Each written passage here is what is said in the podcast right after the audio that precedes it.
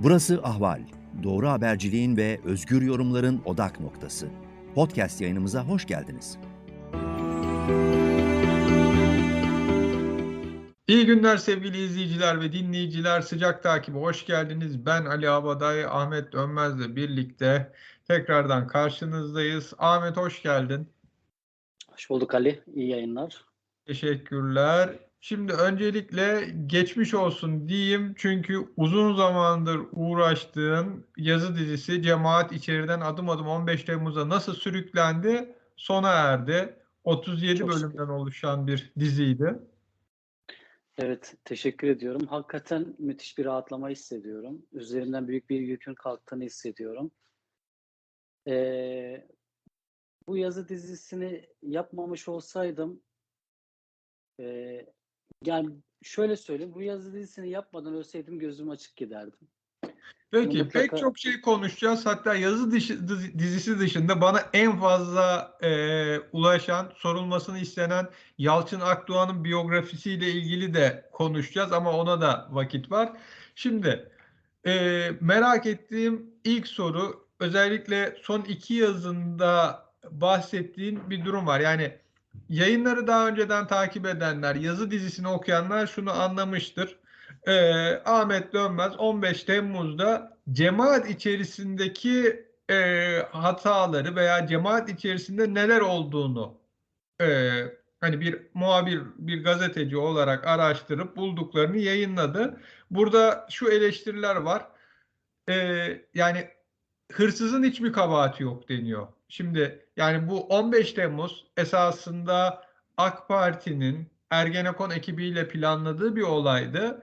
Ama sen bütün yazı dizisinde olayın e- cemaat boyutunu araştırdın. E hırsızın hiç mi suçu yok? O kadar aydınlanmayan şeyler var. Niye cemaate bu kadar yükleniyorsun diye sorular geliyor. Özellikle cemaat kanadından yazı dizisinden çok rahatsız olanlar var. Ve soru bu. Yani neden? Hırsızın hiçbir suçu yok. Gerçi sen son yazında buna bir cevap vermişsin ama tekrardan dinleyiciler için ben sorayım. Yani AK Parti'nin MİT'in yani MİT'in bir kanadının, Ergenekon ekibinin, bu 15 Temmuz'u hazırlayanlar olduğu söylenen kişilerin hiç mi kabahati yok? Neden cemaatin içindeki bu olayları kaleme aldın? Şimdi bunu çok haksız bir yaklaşım olarak görüyorum. Neden? Ben e, bu yazı dizisini 5 yıl sonra yapıyorum ve bu 5 yıllık zaman zarfında aslında tam da o işaret ettikleri adresleri irdeleyen epey bir yazıya, araştırmaya imza attım. Bilmeyenler çoktur. Şuradan başlayayım mesela. Biz e, Stockholm'de Türkiye'den gelmiş olan sürgün gazeteciler olarak Stockholm Center for Freedom'u kurduk. Kısa adı SCF olarak bilinen. Ve orada 15 Temmuz'un birinci yıl dönümünde bugün hala daha aşılamamış olan, daha iyisi yapılamamış olan 192 sayfalık İngilizce ve Türkçe bir rapora imza attık. Erdoğan'ın darbesi başlıklı bir rapor. Ve e, tek taraflı bir rapordu. Cemaat tarafını hiç ama hiç irdelemeyen bir rapordu. Sadece tam da şu az önce senin sorundaki işaret edilen adresleri hedef alan ve orayı kurcalayan, sorgulayan bir rapordu. 192 sayfalık. Hem İngilizce hem Türkçe ve bu raporda yani tevazuya gerek yok. En fazla emeği geçen kişiyim diyebilirim.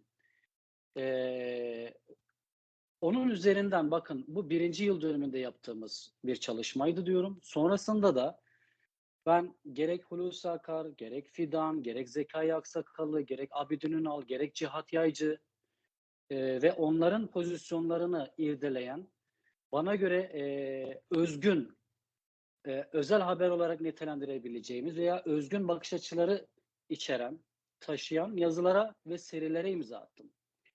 Şimdi bunların hiçbirisini görmeyip, sanki bunlar yokmuş gibi davranarak, hepsini bir kalemde silip atarak, unutarak ya da özellikle perdelemeye çalışarak, sanki benim bütün meslek hayatım ve mesleki çalışmalarım bu son yazı dizisinden ibaretmiş gibi bir yaklaşımı hem çok sığ buluyorum hem de art niyetli buluyorum.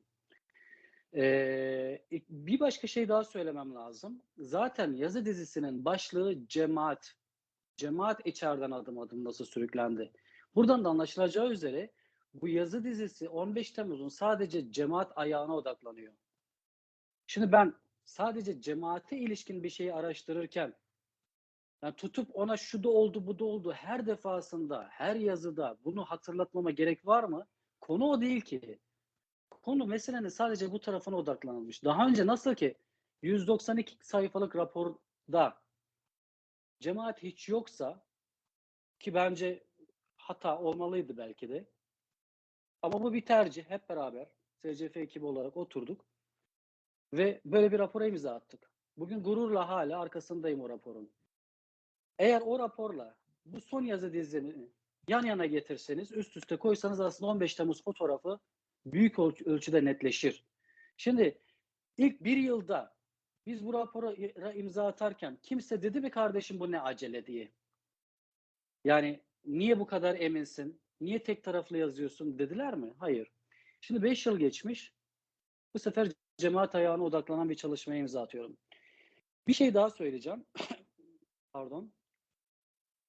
Şimdi benim e, Türkiye'de iktidarın ya da iktidarın iktidar bloğunun bileşenlerinin veya parçalarının 15 Temmuz sürecine dair perde arkasında neler yaptıklarını araştırabilme olanaklarım son derece kısıtlı. Yurt dışındayım. Haber kaynaklarımın hiçbirisi artık benimle görüşmüyor. Eskiden çok iyi görüştüğüm kaynaklarım bile mesajlarıma dahi dönüş yapmıyor.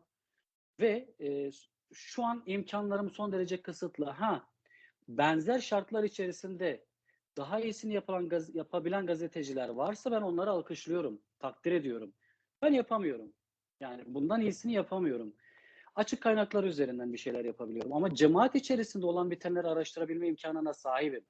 Bunu yapıyorum. Bu şu demek değil ama. Tekrar edeceğim. Yine alıp bir yerlere çekiyorlar. Çünkü sizin son derece makul bir cümlenizin altında bile bambaşka şeyler arayıp oradan bir bakıyorsunuz bir algı çalışması yapılmış. Şimdi bu şu demek değil. Hiçbir şey bilmiyorum ve hiçbir şey yazmıyorum. Hayır. Zaten az önce özetlediğim şeyleri yazdım.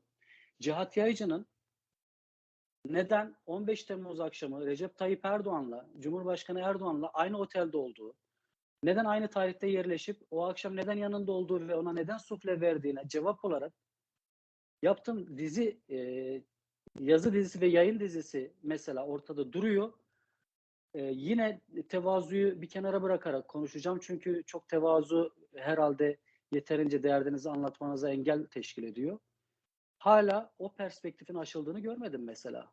Yani ben, bana bu kadar taş atanların, beni bu kadar bir yerlere çalışmakla, Ergenekon'un adamı olmakla, MİT'in adamı olmakla, AKP'nin adamı olmakla itham edenlerin bunu da görmesi gerektiğini düşündüğüm için tevazuyu bir kenara bırakıyorum. Gözlerine sokmak gerekiyor çünkü bazı insanların. Hala Cihat Yaycı'nın pozisyonunu ve bu işin öncesinde hazırlanmış olan, hazırlandığını düşündüğüm simülasyonla ilgili, 15 Temmuz simülasyonu ile ilgili yapmış olduğum yazı ve yayın serisini e, aşan bir çalışma görmedim. E, Peki onlar niye sence bu kadar öne çıkmadı da cemaat içeriden 15 Temmuz'a adım adım nasıl sürüklendi dizisi bu kadar ses getirdi? Nerede ses getirdi? Yine cemaatin içinde ses getirdi. Cemaat dışında yine ses getirmedi. Burada çok ses getirmesinin sebebi de tamamen e, aidiyet ve asabiyet. Yani sizin e, içinde bulunduğunuz, ya burada bizim aslında karşı karşıya olduğumuz şey şu. Cemaat olgusu, cemaatçilik olgusu, grup davranışları, kitle psikolojisi, kapalı gruplara özgü bir takım davranış kalıpları. Bizim şu an aslında karşı karşıya olduğumuz şey bu.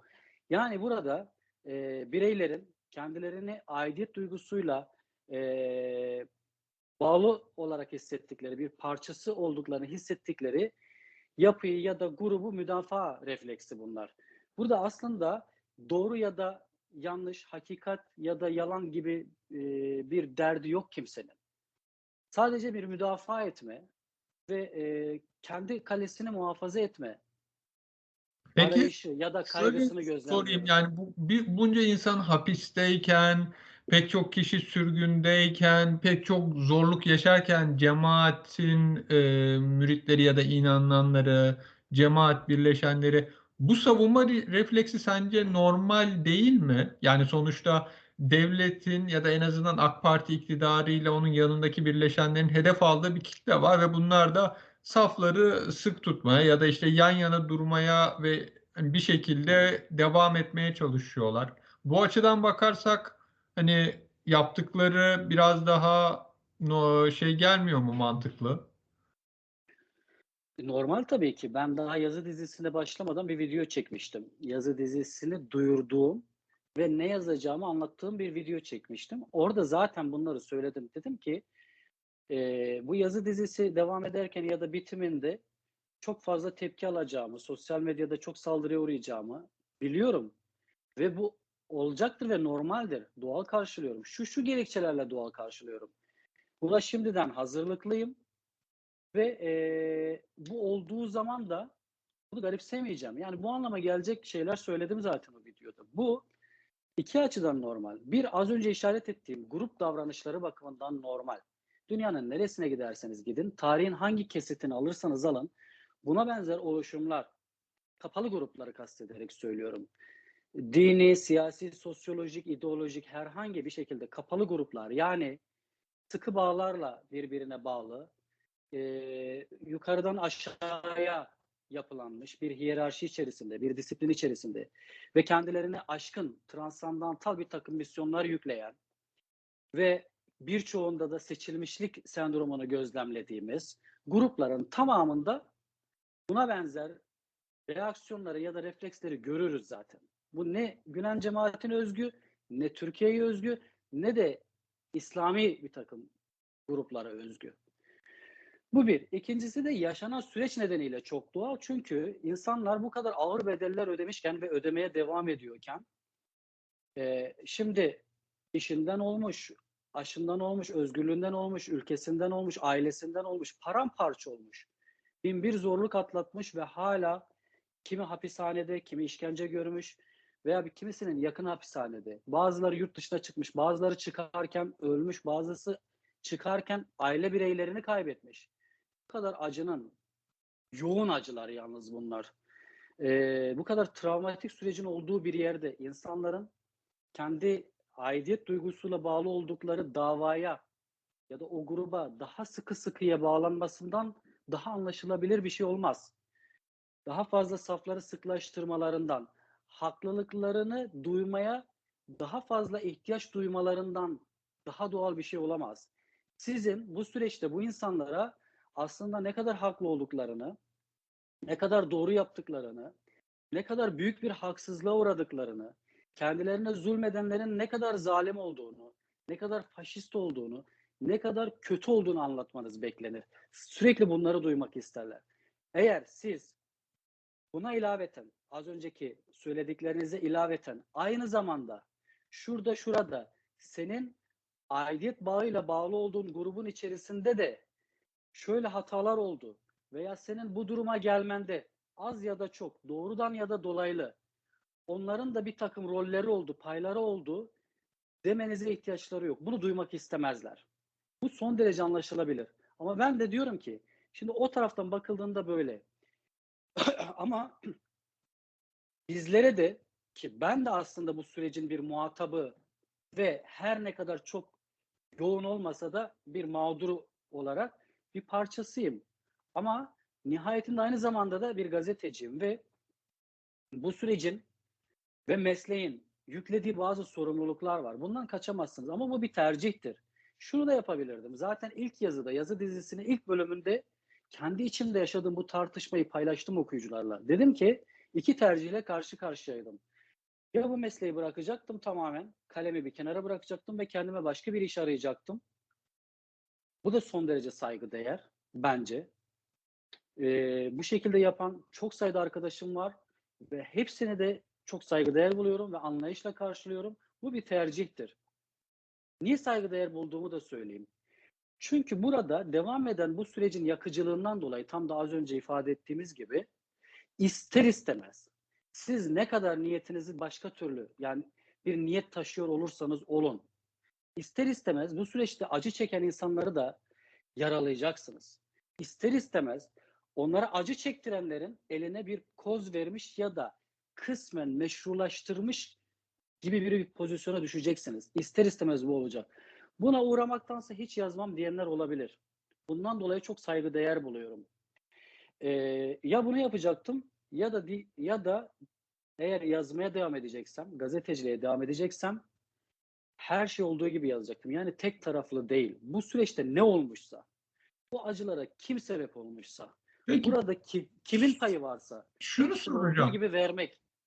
Sen şimdi dedin ki hani cemaat içinde kaynaklarım daha fazla olduğu için hani cemaatle ilgili haberleri hani bilgileri alabiliyorum. Şu an Türkiye'de kaynaklarım yok ya da görüşmüyorlar. Peki yazı dizisinden sonra hiç şöyle bir şey duydun mu? Cemaat içinde bu yazı dizisinden veya ortaya çıkanlardan sonra bir değişme var. Kendi içinde bir hesaplaşma başladı ya da cemaatin üst yapısında bir değişim var ya da bu 15 Temmuz ve senin anlattıklarından sonra daha şeffaf bir yapılanmaya yapı, e, sürece girecekler gibi herhangi bir bilgi aldın mı? Yani bir cemaatin üst yönetiminde özellikle değişim var mı bu yazı dizisinden sonra?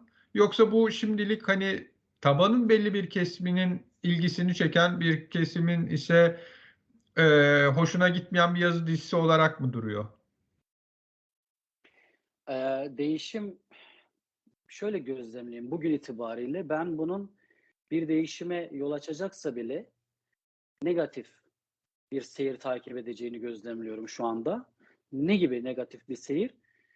Ee, özellikle bu yazı dizisinde adı geçen bazı isimlerin, başta Mustafa Özcan olmak üzere, cemaat içinde bir cadava başlatacaklarını, muhtemel haber kaynağım olabilecek isimlerle ilgili bir liste tuttuklarını ve e, bunlar üzerinden bir tasfiyeye girişeceklerini ya da en azından bu tür niyetler taşıdıklarını, böyle bir hazırlığın içerisinde olduklarını duyuyorum. Hele bir yazacaklarını yazsın, ondan sonra biz de yapacaklarımızı biliriz şeklinde bir bekleyişin olduğunu, şimdi o bekleyiş tamamlandığına göre artık bundan sonra bir kelle avcılığının, cemaat içerisinde kelle avcılığının başlayacağını duyuyorum. Bu manada bana şu şekilde sitem edenler de oldu. Cemaat içerisinde değişim arzu edenler içerisinden veya Mustafa Özcan'ın gerçekten de Gülen cemaatine çok zarar verdiği, e, belki de bugün işte şikayet ettikleri AKP cenahının kadar geçmişte içeride belki o kadar olmasa bile içeride bir takım zulümler yaptığını düşünen insanlar içerisinden bile tek tük de olsa şunu söyleyenler oluyor. Sen bu yazı dizisiyle beraber aslında Mustafa Özcan'ın elini güçlendirdin.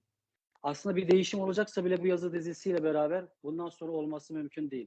Çünkü Hoca Efendi artık sen sırf bunları yazdın diye böyle bir tasfiye işine girmeyecektir. Ee, ve Mustafa Özcan'ın eli daha da güçlendi şu anda. Çünkü seninle ilgili algı negatif. Dolayısıyla senin vurduğun yerler daha da güçlenecek. Şeklinde bakanlar da var zaten. Ee, buna mukabil taban olarak tarif edebileceğimiz e, Gülen cemaati içerisindeki e, insanlardan da her iki yönde de irade gözlemliyorum. Bir taraftan evet bunlar konuşulmalı, bunlar yazılmalı. E, biz başımıza e, gelenlerin sebebini öğrenmeliydik.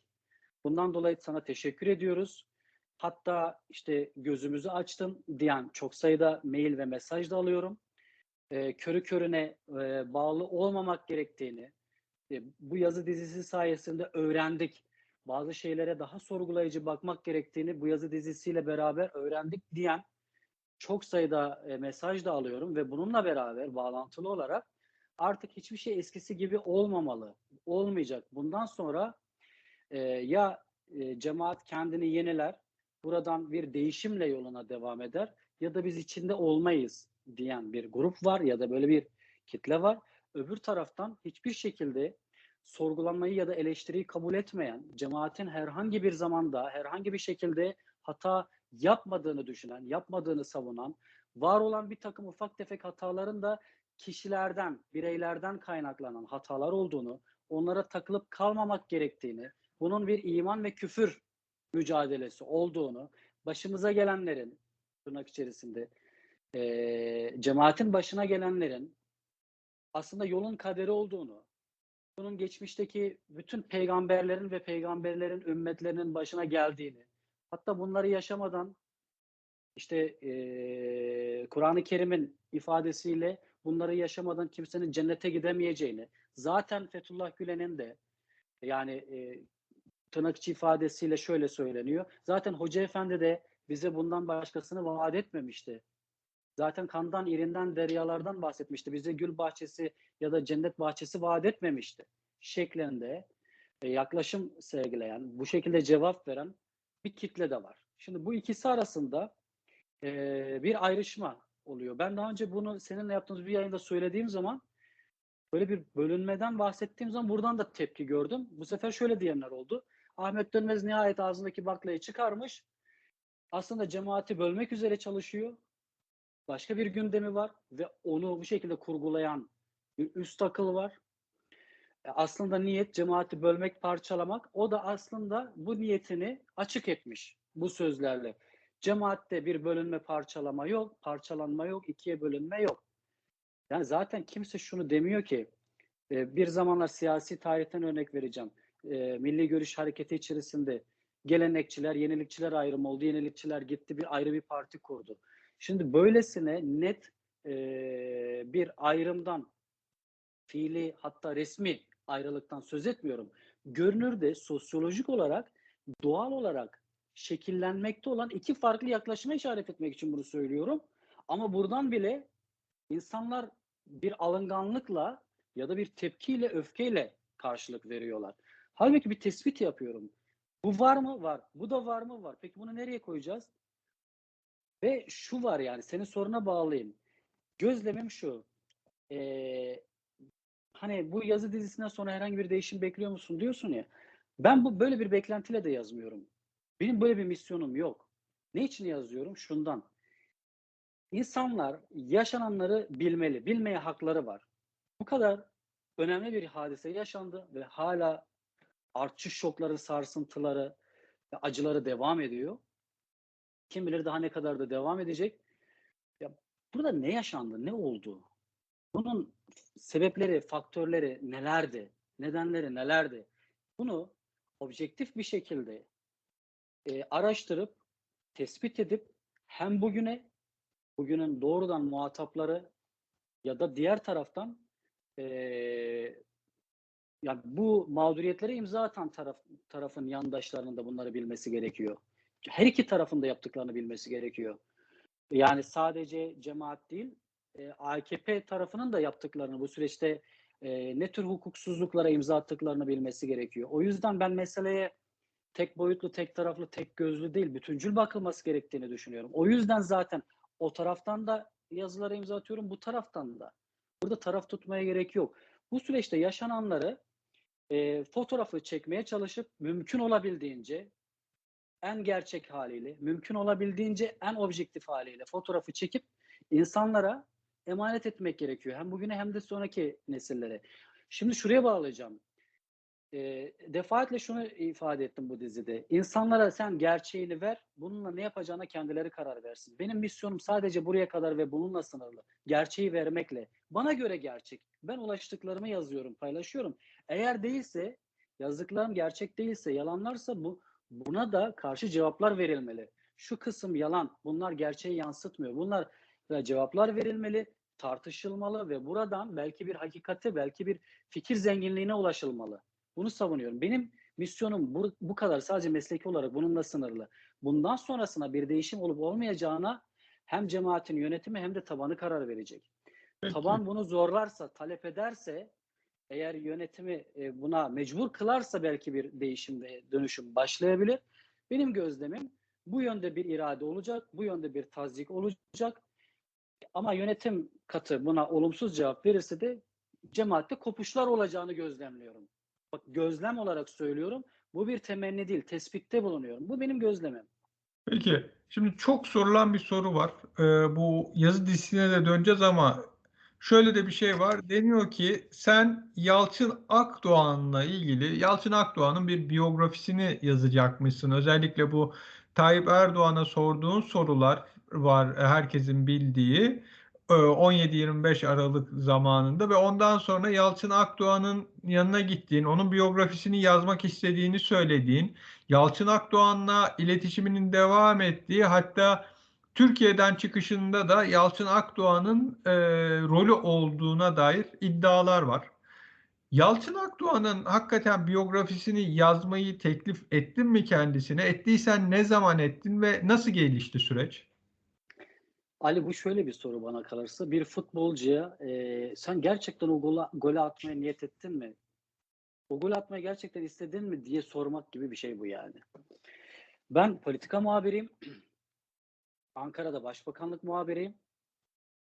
E, AKP muhabiriyim. Ve yeni başlamışım. E, Ankara'da başbakanlık ve AKP muhabirliğine yeni başlamışım. İstanbul'dan Ankara'ya tayin olmuşum. Ve gördüğüm bir manzara var. Yalçın Akdoğan da yeni siyasi başdanışman olmuş. Recep Tayyip Erdoğan'ın o zamanki başbakanın siyasi başdanışmanı olmuş. Gördüğüm manzara da şu. Ankara gazetecileri içerisinde şimdi ben İstanbul'dan gelen birisi olarak bir gözlem yapıyorum. Ankara gazetecilerinin e, çok sıkı ilişkileri vardır siyasetçilerle ya da takip ettikleri alan her neyse orayla çok sıkı ilişkileri vardır. Fakat Yalçın Akdoğan'da böyle bir mesafe gözlemliyorum. İnsanlar, gazeteciler, meslektaşlarımın Yalçın Akdoğan'a karşı biraz çekingen tavırlar olduğunu, Yalçın Akdoğan'ın biraz böyle soğuk, mesafeli olduğunu gözlemliyorum ama buna mukabil müthiş bir güç atfediliyor. Şu anda hala hazırda AKP siyasetini belirlemede en etkili aktör Yalçın Akdoğan, Recep Tayyip Erdoğan dışında ve Recep Tayyip Erdoğan'ın da en fazla dinlediği, en fazla ciddiye aldığı kişi Yalçın Akdoğan. Peki kim Yalçın Akdoğan ve 2021'de de böyle mi bu? hayır hayır o gün için söylüyorum. Ha, evet. 2011 şartlarında konuşuyorum. Yani bugünün Fahrettin Altun'una biraz benzetebilir miyiz? Değil, değil. Fahrettin Altun'dan çok daha güçlü bir. Ee, gerçi şöyle, bugün ben Ankara'da değilim, gözlemlemiyorum. Belki yanılıyorumdur. İçinde olsam belki farklı konuşurum. Yine Ankara Peki kulislerinden. devam edelim. Yalçın. Akdoğan böyle çok gü- gücü hani güçlü bir figür olarak görünüyor. Evet, evet. Ee, ve ben Zaman Gazetesi hafta sonu eklerini zaman zaman ee, portre çalışıyorum. O dönemde çalıştığım birkaç portre var. Şimdi Yalçın Akdoğan'da hafta sonu eki için kimdir Yalçın Akdoğan şeklinde bir portre çalışmak istedim. Bunu çalışırken işte bak bu yazı dizisinde diğer yazılarımda da görünüyordur aslında. Çok detaycıyım. Ee, ve böyle gereksiz şekilde bir sürü bilgiye, detaylara çok önem veriyorum ve seviyorum. Şimdi o kadar detaycı çalışınca bir takım şeylere ulaştığımda ve bakıyorum ki bununla ilgili arkada müthiş bir background var. Dedim ki bunu neden bir kitap yapmayayım ben? Bu tek taraflı olarak benim e, gözlemim, daha doğrusu e, niyetim.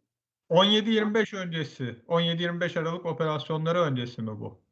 Tabii tabii 2012 yılından bahsediyorum ben. 2011 sonunda Ankara'ya tayin oldum. 2011 e, sonu 2012 başı gibi AKP ve Başbakanlık muhabirliğine başladım. Hemen sonrasındaki süreçten bahsediyorum. Şimdi eee, bu neden bir kitap olmasın diye düşündüm.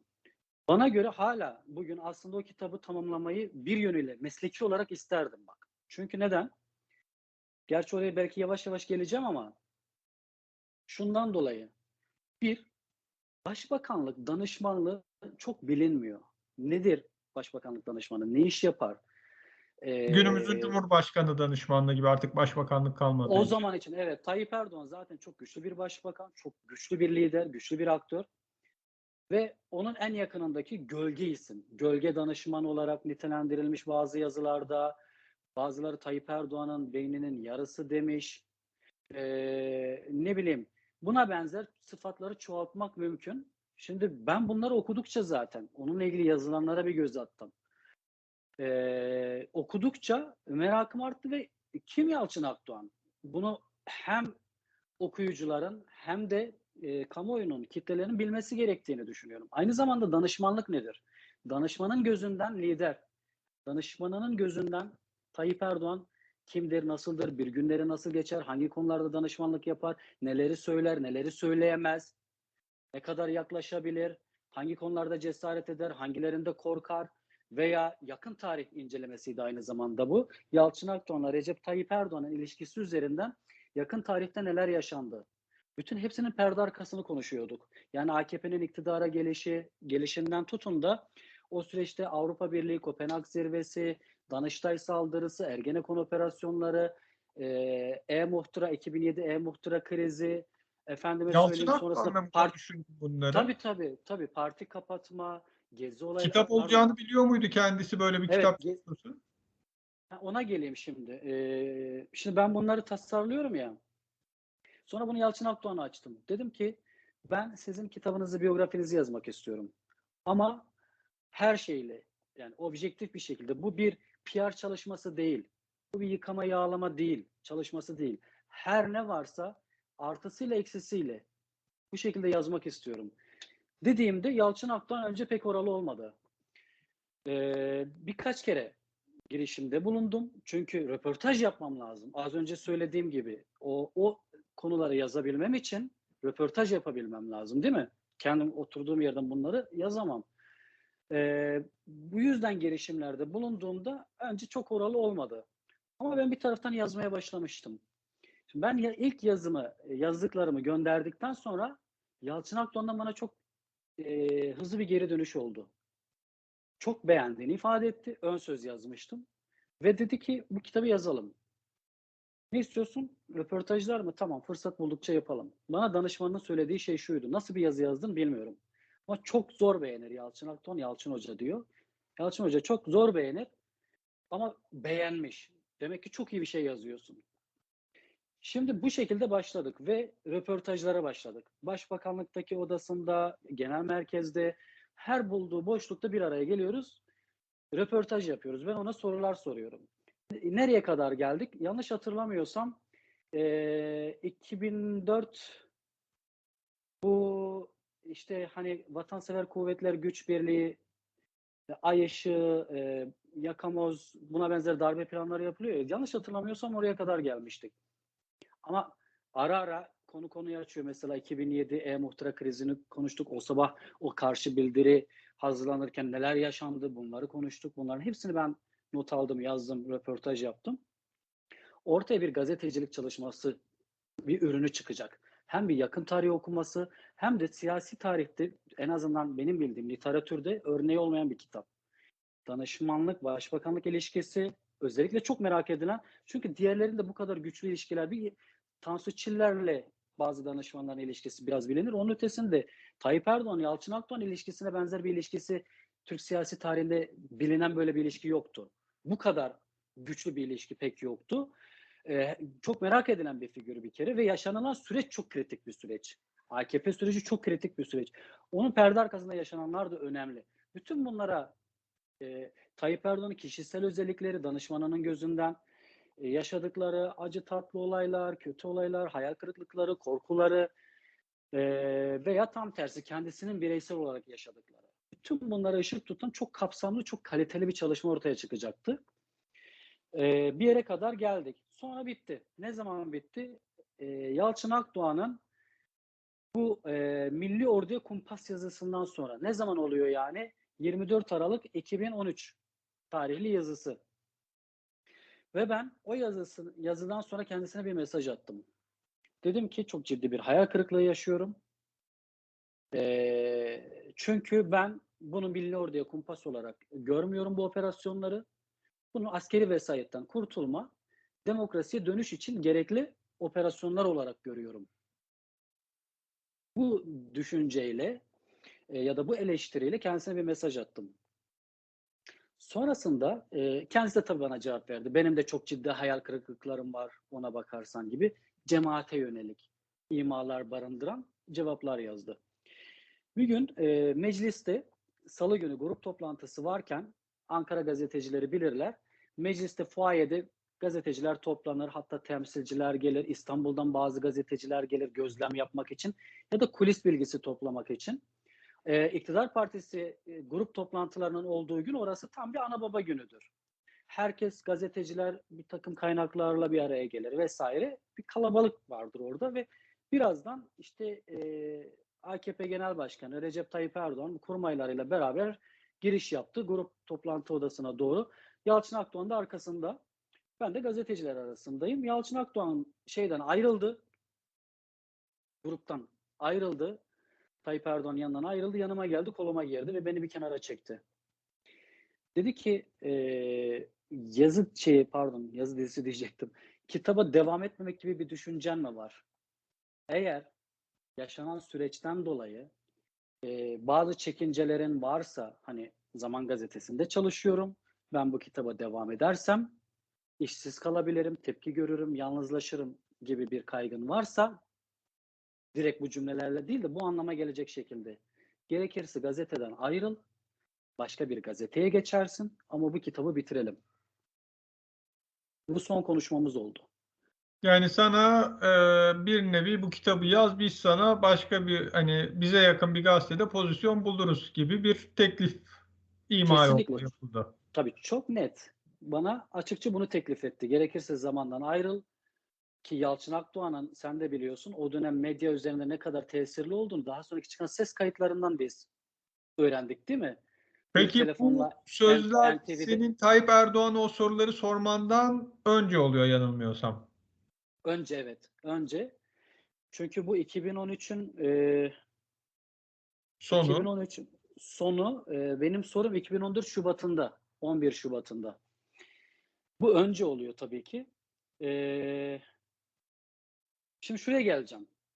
Bu bizim son konuşmamız oldu. Ben bu teklife rağmen kitaba devam etmedim. Bak aslında şu anlattığım şey mesleki olarak benim aleyhime olabilecek bir şey. Neden? Burada bir gazeteci gibi davranmamışım. Burada aslında taraf olarak davranmışım. Bir camiaya aidiyet duygusuyla hareket etmişim. Duygusal bir tepki vermişim. Değil mi? Bir gazeteci olarak aslında belki bu şekilde yaklaşmamalıydım denilebilir. Bunu kabullenerek, kabul ederek anlatıyorum bunu. Peki bu nasıl şeye döndü? Hani o Ona geleceğim. Şubat'taki sorulardan sonra senin Yalçın Akdoğan'a gidip ben sizin hayatınızı yazmak istiyorum dediğin şekle nasıl döndü? Böyle bir algı nasıl oluştu? Peki onu anlatayım. Aslında belki ilk bundan gelecektim de şey e, başka bir şey aklıma gelince oradan giriş yaptım. Şu olay var ya aslında bu Yalçın Akdoğan konusu ve benim buna bu şekilde cevap veriyor oluşum, cevap vermek durumunda kalıyor oluşum bile aslında o kadar e, dikkati şayan bir hadise ki. Bunun üzerinde konuşmak e, şu açıdan da faydalı. Aslında işlerin nasıl yürüdüğünü, aslında algı operasyonunun nasıl bir şey olduğunu, aslında bel altı vurmanın nasıl bir şey olduğunu anlatan çok güzel bir örnek bu. Sen bunu sormazsan ben yakında bunu zaten ayrı bir video yapacaktım. Niyetim o yöndeydi kendi YouTube kanalımda. Müstakil olarak sadece bu konuyu irdeleyen bir video yapacaktım. Şimdi şöyle. Nasıl bu olay duyuldu biliyor musun? Ben 2018 yanlış hatırlamıyorsam The Circle sitesine bir röportaj vereceğim. Ve bu röportajda ne konuşacağım? Çünkü cemaate yönelik çok sert eleştiriler getireceğim bir röportajdı bu. Bazı arkadaşlarımla bu konuda fikir alışverişinde bulunuyorum. Gazeteci arkadaşlarımla. Bir tanesi bana dedi ki, arkadaşlarımın birisi kulakları çınlasın. Her şeyden sonra zaten onu atıyorum senin yüzünden oldu bu diye e, yazıyorum ona. O bana dedi ki, ya dedi, abi sen bu şeyi niye anlatmıyorsun Yalçın Akdoğan olayını? Niye dedim. Ya insanlar görsün dedi. Bak sen bugün bazı bir takım eleştiriler getiriyorsun ama aslında sen yani burada senin bir art niyetinin olmadığını, bir yerlerle angaje olmadığını sen isteseydin bugün hani seni bugün suçluyorlar ya şurayla burayla iltisaklı. Aslında sen isteseydin o tercihi çok önceden 2014 yılında yapabilirdin. Bugün çok iyi noktalarda olabilirdin. Çok iyi tırnak içerisinde. Mevki olarak medyada e, iyi pozisyonlarda olabilirdin. Çok iyi maaşların olabilirdi. Bu sana açıkça o dönemin en kudretli adamlarından birisi tarafından teklif edilmesine rağmen sen bunu elinin tersiyle ittin. Yetinmedin. Ülkeden çıktın. Davaları göz. Kitaplar yazdın. O soruyu sordun. Sonrasında yurt dışına çıktın. Bugün sürgündesin. Çoluk çocuk bir hayat mücadelesi veriyorsun. İstesen bunların hiçbirisine maruz kalmayabilirdin, uğramayabilirdin. Veya bugün isteseydin yine etliye sütlüye dokunmadan sadece tek taraflı yazılarla hayatını güvenli bir sığınak içerisinde, güvenli bir liman içerisinde gayet güzel, fevkalade güzel sürdürebilirdin. Peki Ben sonra nasıl olsam- oldu bu? Bunu anlatırdım. Deyince dedim ki peki neden olmasın anlatayım. Ben bunu kendim anlatıyorum bak. Yalçın Akdoğan'la ilgili böyle bir kitap çalışması içerisine girdiğimi, ve bunu sonlandıranın tek taraflı olarak ben olduğumu, böyle bir teklife rağmen ben olduğumu isteseydim bugün şöyle şöyle olabilirdi diye kendim bunu The Circle röportajında anlattım. Buna rağmen Tuncay Opçin bunu aldı, bambaşka bir şekle büründürerek, bel altı vurarak, bel altı vurarak e, Yalçın Akdoğan sanki e, Yalçın Akdoğan şimdi eğer yanlış hatırlamıyorsam şuna benzer ifadelerle çünkü üzerinden biraz zaman geçti. Geri dönüp bakardım eğer soracağını bilseydim. E, Yalçın Akdoğan 28 Şubat'ta Batı Çalışma Grubu'nda görev yaptı. Doğru. Zaten eğer ben o kitabı basabilseydim o kısımlar da olacaktı o kitapta. Bunları ben ona sormuştum Yalçın Akdoğan'a. Ve o kısımları hani diyorum ya objektif bir şekilde yazıyorum kitabı. Artısıyla eksisiyle. Mesela Yalçın Akdoğan'a en fazla eleştiri getirdiğim kısımlar oralardı. Batı Çalışma Grubu 28 Şubat süreci. Ee, ve Tuncay Öpçün diyor ki BÇG ile birlikte görev almıştı Yalçın Akdoğan. O bir beyin avcısıdır. O kadar gazeteci içerisinde Ahmet Dönmez'i seçmiş. Biyografisini yazdırmak üzere ve onu parlattı, ona görev verdi. Şimdi de bunu kullanmaya ve yönlendirmeye devam ediyor. Yani benim ha- hala Yalçın Akdoğan'dan direktif aldığımı, ondan aldığım direktiflerle bu yazıları yazdığımı ima eden son derece çirkin, daha sert ifadeler kullanırım ama neyse, e, tweetler attı ve açık çarpıtmalar vardı. Dedim ya eğer bilseydim döner bakardım diye şundan bakardım. O kadar açık çarpıtma ve yalanlar vardı ki orada e, mesela bir başka meslektaşım şimdi ismini vermeyeyim belki rahatsız olur. E, kendisiyle sırf bu yüzden polemiğe girdi. Tuncay Öpçin'le. E, o meslektaşım e, Tuncay Öpçin'le görüştü. Dedi ki bak bu yazdıkların yalan. Ben Ahmet'e sordum. Bu böyle mi böyle mi? Ahmet bana şu cevabı verdi. Ve senin bu yazdıkların yalan. Bunu düzelt demesine rağmen Tuncay Öpçin hiçbir şekilde düzeltmeden bu algı operasyonuna devam etti. Ve bunu sık sık tekrar etti. Sonra onunla bağlantılı olduğunu tahmin ettiğim bir takım troll hesaplar bunu her defasında köpürttüler. Her defasında köpürttüler ve ben hiç cevap vermedim. Niye cevap vermedim?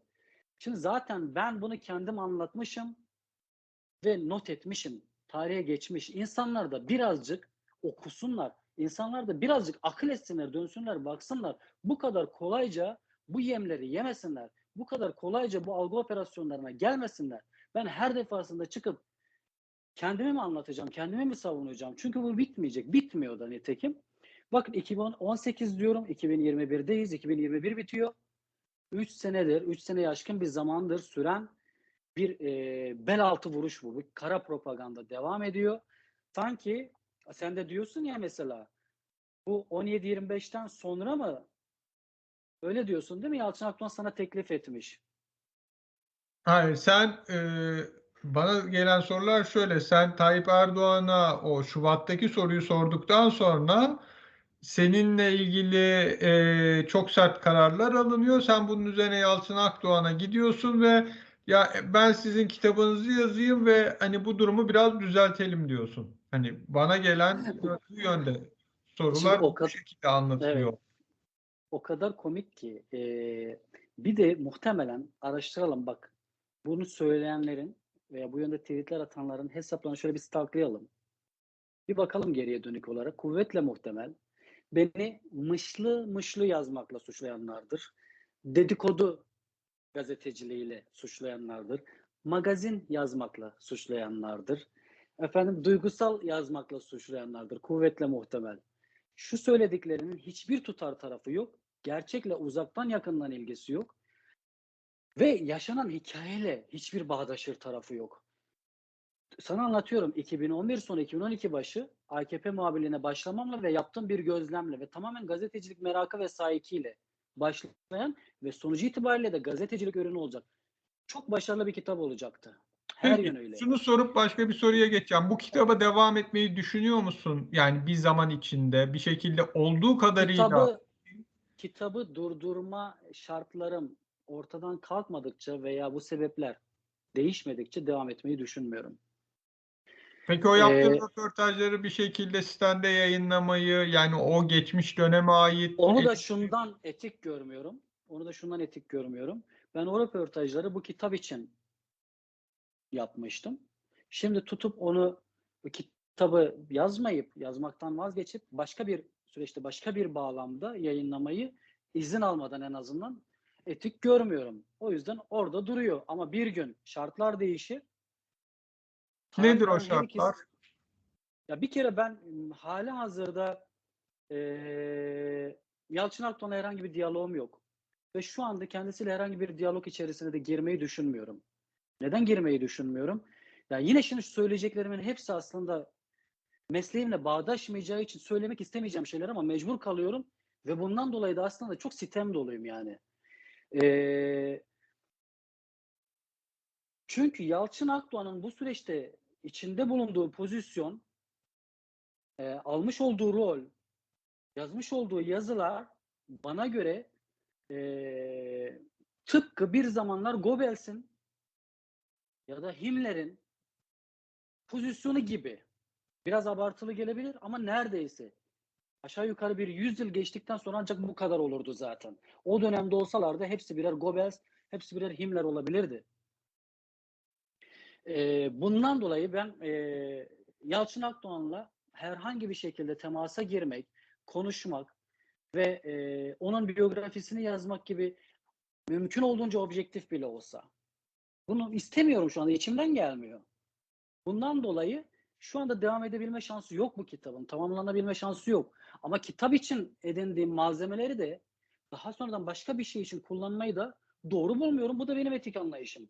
Ama burada şunu bir kere de altını çizmek isterim Ali bak. Benim anlattığım kimse bilmiyordu ki böyle bir şeyi. Ben kendim anlatıyorum. Nasıl başladığını, nasıl bittiğini kendim anlatıyorum ve niye anlatıyorum? Bak gazeteci arkadaşımın bana insanlar görsün senin neyden vazgeçtiğini ve ne uğruna bugün bu noktalara geldiğini, isteseydin nerelerde olabileceğini insanlar görsünler. Bu eleştirilerini de ona göre okusunlar, ona göre alıp kabul etsinler dediği için bu tavsiyeyi makul buldum.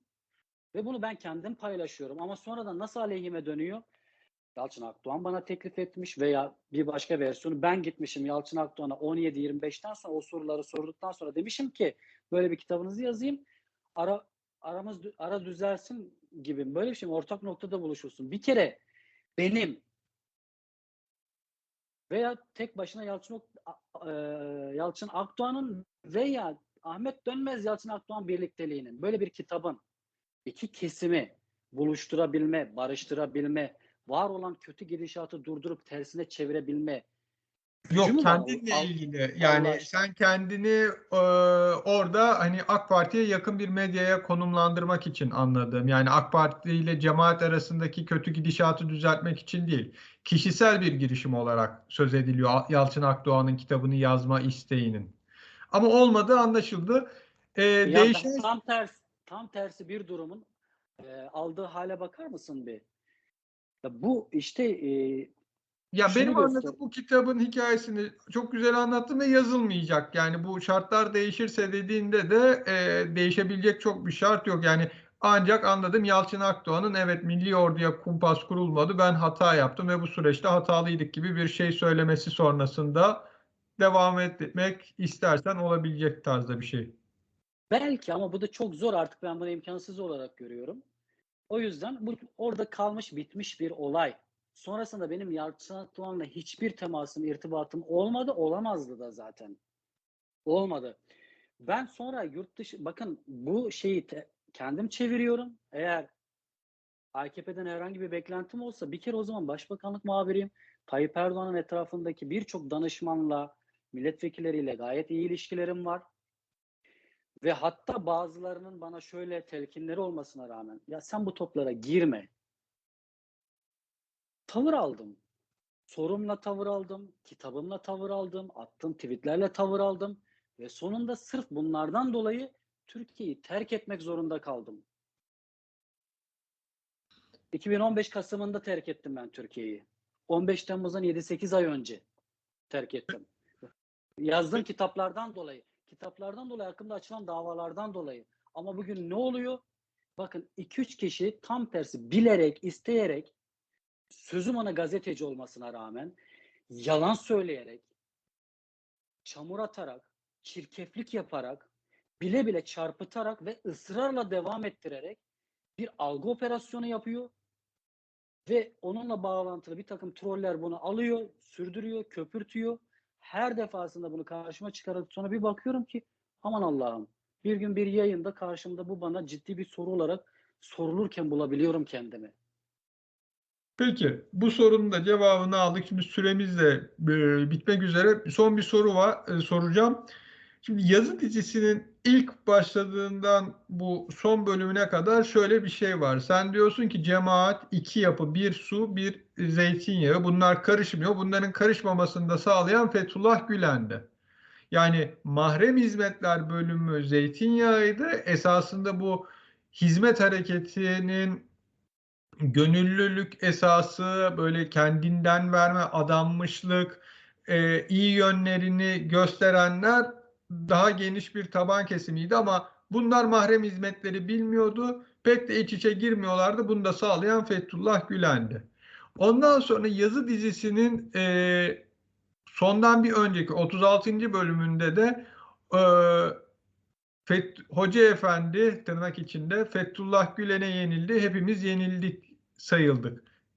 Şeyinde iki Fethullah Gülen olduğunu yani birinin Hoca Efendi diğerinin Fethullah Gülen olduğunu yıllar boyunca bu ikisinin arasındaki çatışmanın 15 Temmuz'da zirveye çıktığını ve sonuçta da e, darbe girişiminin yaşandığını söylüyorsun. Bunun öncesinde de zaten Mehmet Değerli'nin işte Hulusi Akar'la görüşüyorum demesi, mektuplar götürmesi, pek çok bir yıl boyunca e, Fethullah Gülen'e bu yönde e, bilgiler aktarması var. Ama sonrasında Mehmet Değerli'nin tırnak içinde yine çürük çıkmasına rağmen e, Fethullah Gülen'in 15 Temmuz'da öncesinde bir durun dememesi ya da 15 Temmuz'un hemen başında buna karşı bir tavır almaması var. Yani dedikleri şuna geliyor. Fethullah Gülen bu 15 Temmuz'u biliyordu. Ama bir şekilde AK Parti'nin de iktidardan gitmesi çünkü uzun yıllar yaptığı çalışmanın sona ereceğini gördüğü için bir şekilde AK Parti'nin gitmesi için de e, yok e, bu tepeden olacağı için hani Hulusi Akar'dan geleceği için bu darbeye biraz da göz yumduğu yönünde. Yani hakikaten böyle iki karakter mi var? Bir Hoca Efendi, bir Fethullah Gülen.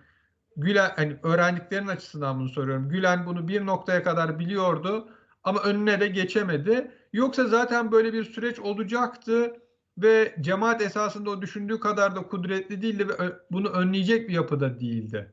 Veya üçüncüsü cemaatin üst yapısında senin yazı dizinde belli ettiğin isimler Fethullah Gülen'e biraz da yalan söyleyerek ya da farklı anlatarak durumu bu noktaya mı getirdi? Biraz karışık oldu ama bir Fethullah Gülen 15 Temmuz'da ne kadar sence bilgisi vardı? Yani o çekişme sence ne kadar vardı Hoca Efendi ile Fethullah Gülen? İki, o yakın talebeleri kendisine yalan söylemiş midir? Ee, her ikisi de evet. 15 Temmuz'dan yani böyle bir darbe hazırlığından bilgisi var. 15 Temmuz'dan da bilgisi var. Ee, talebeleri yalan söylemiş midir? Benim gözlemim söylediği, söylediği yönünde. Görüntü o yönde. Ulaştığım bilgiler de, bilgi kırıntıları daha doğrusu o yönde. Ama bunu bütün yönleriyle, bütün detaylarıyla aydınlatabilmiş değiliz. Halihazırda şu şartlar altında da çok zor görünüyor. Benim burada bahsettiğim Fethullah Gülen Hoca Efendi ayrımı aslında iki farklı role işaret ediyor. İki farklı rolü ima ediyor. Şimdi şöyle tepkiler ortaya çıkıyor. Sen işte Hoca Efendi'ye münafık diyorsun. Sen Hoca Efendi'ye iki yüzlü diyorsun. Sen Hoca Efendi'ye çift karakterli diyorsun.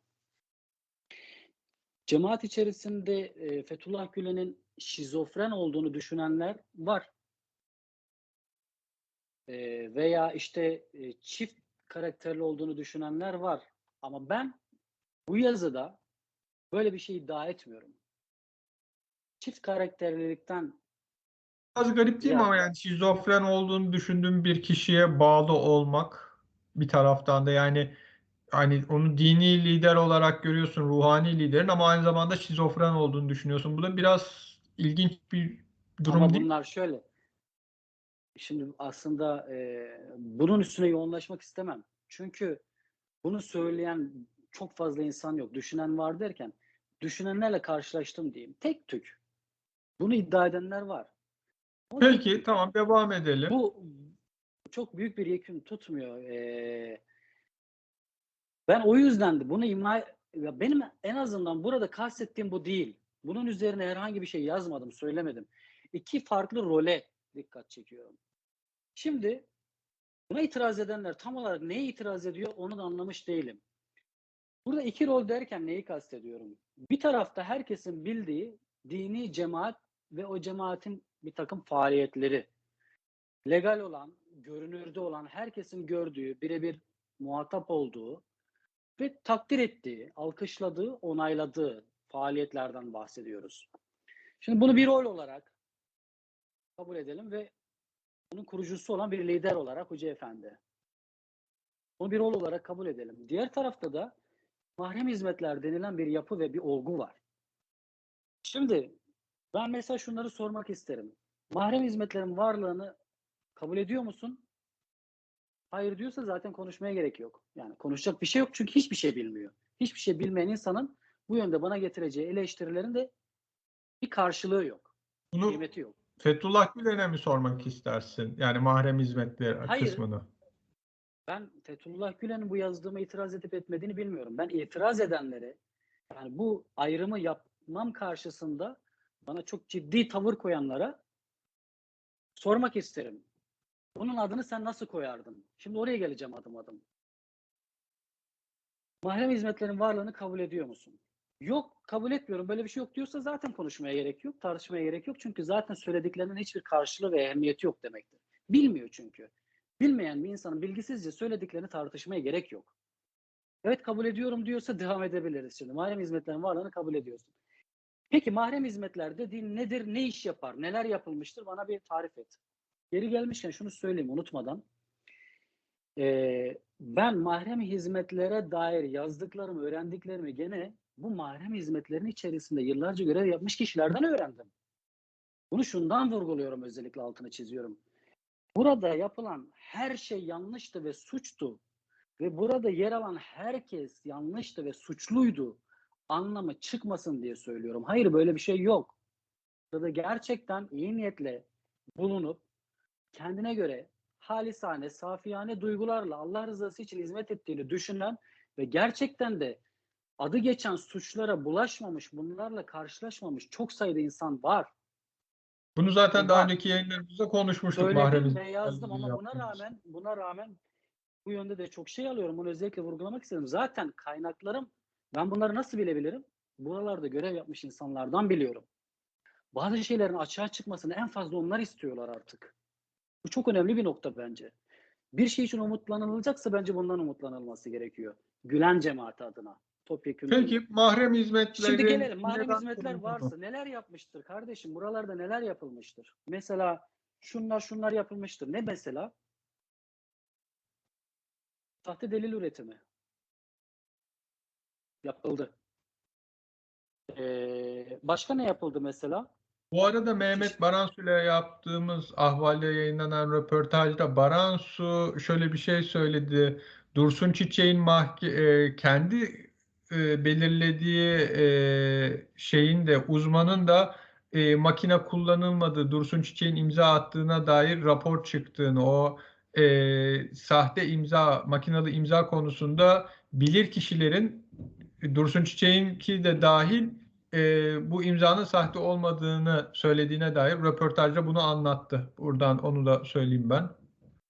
Tamam ama konumuz burada Dursun Çiçek'in şeyi değil. Yani bir tek o tartışmalı olan belge o değil. Ayrıca Dursun Çiçek e, ıslak imza meselesi apayrı bir konu. Ha, yok yani o Şimdi konu oraya girersen genelde oraya ayrıca- bağlanıyor da onu bir Evet, ayrı ayrıca şey yapmak tartışabiliriz. Ve onun dışında başka da var.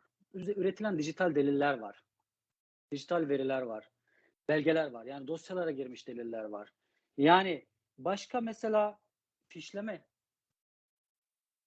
Ya sadece kendi mensuplarını fişlemesinde de değil. Kendi mensuplarını da fişlemiş. Mesela bir karı kocayla konuştum. Bu fişlemelerde ismini gören. Ee, daha önce memur olarak devlete hizmet etmişler. Bu süreçte dışarı çıkmışlar. Ya biz kendi kendimizi gördüğümüz zaman şok olduk diyor. Nerede çıkmış bunlar? Bir mahrem imamdaki SD karttan çıkmış. Binlerce insanın her şeyi yazılmış. Yani çocuklarının tuttuğu takımlara varıncaya kadar neredeyse sevdiği yemekler, sevmediği yemeklere varıncaya kadar her şey yazılmış, fişlenmiş ve bunun ötesinde kendi mensubu olmayanlar zaten hayli hayli fişlenmiş. Bunlar birçok yerde ya bu, bu, bu emin olduğum bir şey. Çok fazla envai çeşit versiyonlarını dinledim. Tamam. Yapanlardan bizatihi dinledim. Ee, bu, bu yapılmış mesela. Veya siz tutuyorsunuz e, bir askerden karakolda çalışıyorsa karakoldan bir alaydaysa hani yazıcılar vardır ya alayda birliklerde gelen evrakların kopyasını istiyorsunuz. Mümkünse ıslak imzalı değilse fotokopili. Bunları alıyorsunuz bir yerlerde arşivliyorsunuz. Başka ne yapıyorsunuz? Mesela bu yazı dizisinde bahsettiğim bir birim var. Bilişim birimi. Devletin bütün birimlerinin dijital arşivlerini kopyalamış. Mesela tapu gibi, nüfus gibi, e, mernis kayıtlarını kastederek söylüyorum. Hatta bankalardaki kredi bilgilerine varıncaya kadar kopyalıyorsunuz. Bunu başka bir havuzda topluyorsunuz ve bunun üzerinden ihtiyaç duyduğunuz zaman e, ya bunları delile dönüştürmeye çalışıyorsunuz veya başka bir takım operasyonlara dönüştürüyorsunuz veya algı operasyonları yapıyorsunuz. Şu anda da bu verilerin mesela yurt dışında olduğu söyleniyor. Yine buralarda görev alan insanlardan dinliyorum ben bunu. Peki abi bir içerisinde saat olmuş. geçtiğimiz ve hani Şimdi- Sedat Peker'in de dediği gibi bir saati geçince hızlandırma olduğu için kusura bakma biraz hızlandırmaya Ama- çalışıyorum.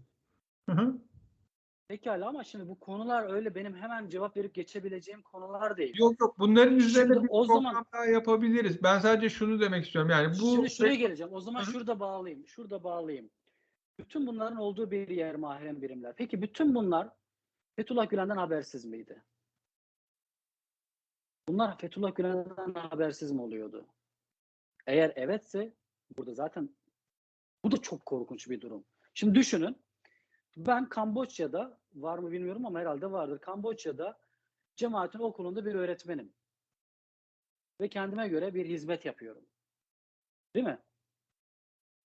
Ama öbür tarafta benimle aynı çatı içerisinde olup benimle birlikte anılan birileri az önce saydığım suçları işliyorlar ve bundan benim liderim, hocam dediğim hoca efendinin bilgisi yok.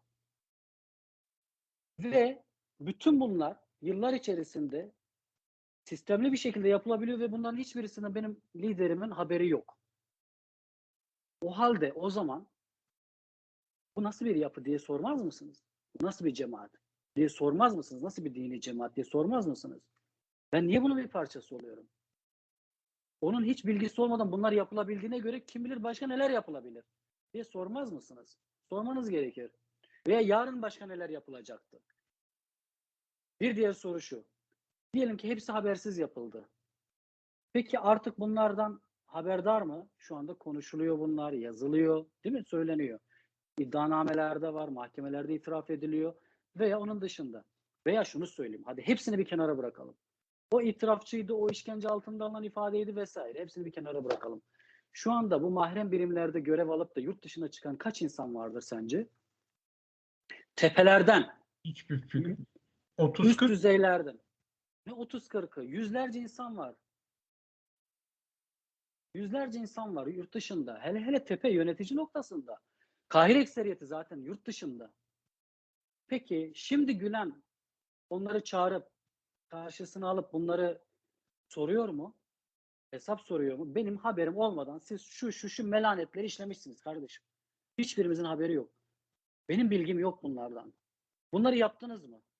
Yapmadınız mı? Yapmadık mı? O zaman yaptı diyenleri alır dinlersiniz. Daha önce ben birkaç yayında söyledim. Bir komisyon kurarsınız o zaman. Uluslararası komisyon kursun 15 Temmuz araştırsın denilmişti ya. Uluslararası komisyon yok. Kendi içinizde kurun o komisyonu. Gerçekten bağımsız çalışacak. Ona bağımsız çalışacağı şartları da sağlayın. Teminatı verin. Çalışsın bir komisyon. Bunlar yapıldı diyenleri de dinlesin, yapılmadı diyenleri de dinlesin. Onun gerekçelerini de, delillerini de, bunun gerekçelerini veya savunmasını da dinlesin. Ve bu ortaya bir çıksın bakalım. Bunlar yapılmış mı, yapılmamış mı? Peki lider neden bu yönde inisiyatif almıyor? Türkiye'de yürüyen bağımsız şey süreçlerden bağımsız olarak söylüyorum. Mahkemelerden bağımsız. En azından bunu biz bilmeliyiz. Ne olmuş yakın tarihte? Bu kadar insanın başına gelenlerde bunların etkisi var mı acaba diye lider merak etmeli değil mi? Bunu araştırmalı değil mi? Oradan bağımsız bak. Bu onu engel değil çünkü. Bunu beklemenize gerek yok. Çünkü zaten Fethullah Gülen'in sağlık durumu da çok elverişli değil. Nereye kadar beklenecek? Bu yönde bir garanti mi var? Bu inisiyatifi niye almıyor? Ben o yüzden diyorum iki farklı rol diye. Çünkü bana göre bilgisi vardı. Ha, iğneden ipliğe her şeyden haber olmayabilir. Her böyle detayı sormamış olabilirler. Ama ana hatlarıyla, başlık itibariyle, ünite itibariyle bunlardan bilgisi olduğunu düşünüyorum. Ve bu yönde bilgilerim var. O zaman Sen diyorum diyorsun ki, ki e, diyorum Öksüz'ün veya o grubun Hulusi Akar bu girişimin içinde olacak, darbenin içinde olacak, emir komuta zincirinde olacak dediğine sonrasında 15 Temmuz günü e, kendisine bir e, işte olaylar aktarıldığında Hulusi Paşa da çok içinde değilmiş dendiğinde bana öyle söylememişti. Böyle bir söz geçtiğini hani iddialardan o- birinin bu olduğunu yazmışsın. Peki sence hakikaten böyle gerçekten tam bilmeden yanlış bilgiler verilmiş olabilir mi Fethullah Gülen'e? Yani Hulusi Evet. Akar içinde görüşüyoruz gibi söylenmiş ve buna kesinlikle inandırılmış olabilir mi? Evet ben öyle düşünüyorum. Ee, bir defa baktığımız zaman hani diyorum ya Fethullah Gülen'i tarihle yargılamak. Hem kendi tarihiyle hem Türkiye'nin tarihiyle, bilimle, sosyolojiyle, psikolojiyle, felsefeyle yargılamak diyorum ya. Şimdi tam da buralara tekabül ediyor işte. Fethullah Gülen'in kendi tarihine baktığınızda ne kadar temkinli, dikkatli bir insan olduğunu görüyorsunuz. Farklı farklı birçok açıdan garanti almadan böyle bir girişimi imza atmayacak birisi olduğunu biliyorsunuz. Burada hem aldığım bilgiler de o yönde. Fethullah Gülen'in kesin olarak Hulusi Akar'ın bu darbeye liderlik edeceği e, bilgisi var. Ona böyle söylenmiş. Hulusi Akar'ın son anda fikir değiştirmesi, saf değiştirmesi karşısında bana böyle söylenmemişti. Yani bu iş bitti biliyorum ben. Hulusi Akar bu işi yapacak. O yapacak zaten. Darbeyi o yapacak. E, darbenin lideri o. Bu bizim bir darbemiz değil ki. Hulusi Akar'ın darbesi. Biz o yüzden buradayız. Bana böyle söylenmemişti derken yaşadığı o e, aldatılmışlık hissi, hayal kırıklığı bundan. Ama ben de diyorum ki bu her şeyi affettiriyor mu? Bu her şeyi mazur mu gösteriyor? Peki e, buna niye evet demiş? Ya da daha önceden aylar boyunca kendisine bilgi getirenlerin yalanları ortaya çıktığı halde bunun da en nihayetinde bir yalan olabileceğini neden aklına getirmemiş? Neden bu ihtimali düşünmemiş? Ona karşı bir B planı var mıymış? Veya onu da geçtim. En baştan darbeye evet demesi, kendisinin geçmişteki söylemleriyle, çizgisiyle hani o su tarafı, Hoca Efendi tarafının söylemleriyle bağdaşıyor mu? Onun öğretileriyle bağdaşıyor mu?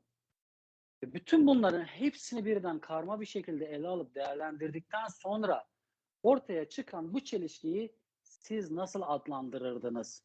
Siz buna nasıl bir teşhis koyardınız? Ne derdiniz? Birbiriyle asla bağdaşmayacak bu iki faaliyet alanı, bu iki grup ve her ikisine hitap eden bu iki rol, bu rol çatışması. Ha çift karakterli midir bilemem. O kadarını bilmiyorum. Münafık ben böyle bir şey söylemiyorum. Siz ister istemez yani şöyle söyleyeyim çok basitleştireceğim amiyane ama yani gündüz devlet memurluğu yapıyorsunuz. Gece eee, bir şeyde şarkı söylüyorsanız bir barda şarkı söylüyorsanız şimdi bu iki farklı rol var değil mi burada? Bir Seyfi şarkıcılık Dursunoğlu uysuz virjin diyorum ben bunda örnek olarak. Yani bir tarafta devlet memurluğu hem devlet Ee, memuruydu hem gece çıkıp söylüyordu. Evet. gibi yani veya belki bunun e, farklı versiyonlarında da örnekler getirebiliriz. Demek istediğim şu. O zaman sen buna bir isim tak. Tamam ben bir şey demeyeyim. Sen Ha yok yani söylüyorsun? Seyfi Dursunoğlu da huysuz virjin k- şeyini yaratmıştı anlamında söylemek istedim. Yo yo senin için demiyorum. Hayır hayır. Hı. Bu itirazı getirenlere söylüyorum. Sen bunu nasıl tanımlarsın? Sen nasıl bir ad koyarsın? Bir, taraflardan bir mesela bana göre şimdi Fethullah Gülen'in söylemlerini baz alacak olursam e, mahrem hizmetlerde yapılanlara onay vermemesi gerekiyor. Tıpkı kendisine soruluyor ya mesela Ekrem Dumanlı sordu. Hocam soru çalmalardan bahsediliyor. Sizin buna söyleyeceğiniz nedir? Bir şey var mı? Ne cevap verirsiniz dediğinde mesela Fethullah Gülen diyor ki bu haramdır. Yani Hoca efendi, demek hoca istediğim efendi. şu, bu söylemleri yani işte soru çalmak haramdır ya da işte tamamen iyilik yapalım söylemi hoca efendi ama arka tarafta mahrem hizmetlerin soruları çalıp birilerine verdiği ya da işte hem cemaat içinde hem cemaat dışında fişlediği bilgisine sahip kişi Fethullah Gülen. Evet. Ya bu ben biraz meseleyi karikatürize etmek için. bir Ya ben de hani basit anlaşılsın Evet, diye evet, örneği veriyorum. Öyle söylüyor. Burada asıl vurgulamaya çalıştığım rol çatışması. Ama bu şöyle bir şey değil. Mesela şunu söylüyorlar bana. Kardeşim senin de hayatta bir sürü farklı farklı rollerin yok mu? Bir taraftan gazetecisin, bir taraftan babasın, bir taraftan kardeşsin, evlatsın vesaire değil mi? Burada kastettiğimiz o değil ki. Burada kastettiğimiz şu. Şimdi bu roller birbiriyle uyumlu olduğu müddetçe hiçbir sorun yok. Tabii ki herkesin farklı farklı şapkaları vardır. Bu bizim kimliğimizi oluşturan üniteler bunlar. Olmazsa olmaz zaten. Kimliğimizin parçaları. Ama bunlar içerisinde çatışma başladığı andan itibaren bu başka bir takım psikolojik sorunlara veya hastalıklara işaret eden bir durumdur. Bu roller arasında yani birbiriyle bağdaşmayacak rolleri kastediyorum. Çatışma derken şimdi bir tarafta az önce dediğim gibi sizin öğretileriniz var, sizin yazılarınız, vaazlarınız, söylemleriniz var, prensipleriniz var ama öbür tarafta bununla hiç bağdaşmayacağı gibi tam zıttı. Hatta bunun mücadele halinde olması gereken bir takım faaliyetler var. A kümesinin mücadele olmasını gerektirecek faaliyetleri var B kümesinin. Şimdi bunun her ikisini de bir yerde bağdaştırabilen bir lider varsa o zaman buna bir ad koymamız lazım. Ben koymayayım siz koyun o zaman. Ne dersiniz buna? Demek istiyorum ben. Veya mesela şimdi hoca efendiye sorsak yalan doğru mudur hocam? Hayır caiz değildir haramdır diyecek. Peki ben de diyorum ki o zaman Adil Öksüz ben tanımıyorum Adil diye birisini dedirten ne o zaman? Buna ben cevap vermeyeyim. Siz cevap verin. Pekala şunu da diyebilir. Evet Adil Öksüz'ü tanıyorum. Evet benim talebeliğimi yaptı. Ama ben de çok şaşkınım. Ben nereden bilebilirdim ki böyle bir eğer durum öyleyse bak. Öyle olduğunu varsayarak söylüyoruz. Ben nereden bilebilirim böyle bir darbenin içine kalkışacağını? Buraya benim talebeliğimi yaptı ama o- ondan ötesini ben bilemem. Şu an ben de çok büyük bir hayal kırıklığı yaşıyorum. Aldatılmışlık, ihanete uğramışlık hissi yaşıyorum. Ve cezasını çeksin. Bunun için elimden ne geliyorsa da yardımcı olmaya hazırım diye, diyebilirdi pekala. Ama bunu demiyor. Adil Öksüz'ü tanımam diyor. Neden? Şimdi burada şey de, akla geliyor. Adil Öksüz cezasını çektisin dediğinde Adil Öksüz ama bilginiz vardı der mi demez mi? Ya da Adil Öksüz'de o kadar bir adanmışlık var mı? Gelecek bir yayın eğer sözü alabilirsem şeyi de sormak istiyorum sana. Hani o yayınlar için hani MIT ne kadar bu işin içinde olabilir? Cemaatte ne kadar bu şeylerde bir hani daha çok Mehmet Değerli ile ilgili yazdıkların üzerinden hani bunun alt planı cemaatin bu noktaya nasıl geldiğini de bir başka bir yayın sözü ala- alabilirsem o noktaları seninle konuşmak istiyorum. Tabii memnuniyetle. O zaman bir saate açtığımız için eee, burada kesmem gerekiyor. Konuşacak çok konu var ama eee, izleyiciler ve dinleyiciler kusura bakmasın. Eee, sıcak takibin sonuna geldik. Yayınları YouTube'dan dinle, izleyebilir. Kanala üye olursanız anında haberdar olabilirsiniz. Eee, Ahmet Dönmez'e çok teşekkür ediyorum yayına katıldığı için. Kendisi de siz de. Ben de bir sonraki yayının sözünü verdi. Bir hafta içinde yeni bir yayınla tekrardan karşınızda olacağız. İyi günler. Ahval podcastlerini tüm mobil telefonlarda Spotify, SoundCloud ve Spreaker üzerinden dinleyebilirsiniz. Apple iPhone kullanıcıları bize iTunes üzerinden de ulaşabilir. Türkiye'nin ve hayatın cıvıl cıvıl sesleri Ahval Podcast dizisinde. Kulağınız bizde olsun.